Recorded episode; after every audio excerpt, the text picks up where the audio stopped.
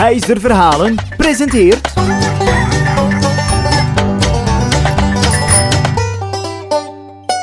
Eens op een middag was Thomas in zijn wiegje gaan liggen en was hij ingeslapen. Zijn moeder kwam bij hem naast de wieg staan en keek hem vol geluk aan en ze zei tegen hem: Slaap je, lieve Thomas? Vast wel, slaap maar lekker. Ik ga in het bos een handvol aardbeien gaan zoeken voor je en ik weet maar al te goed dat je het heerlijk zult vinden.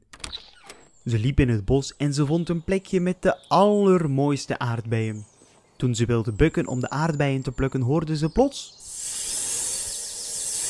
Ze wist niet echt wat het was en trok zich er niet veel van aan. De vrouw trok aan een aardbei en plots kwam er een grote slang aan en probeerde ze de vrouw te bijten.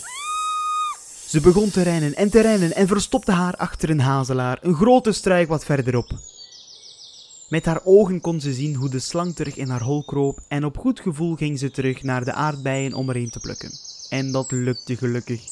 Onderweg naar huis zei ze tegen haarzelf: Zoals de hazelaar mij beschermde, zal het ook vast andere mensen beschermen. En sindsdien hielden alle mensen een hazelaartak in huis tegen bescherming van grote slangen en wat er verder op aarde kruipt. Vond jij dit een leuk verhaaltje? Volg Huizer Verhalen dan maar snel op Facebook en op Instagram.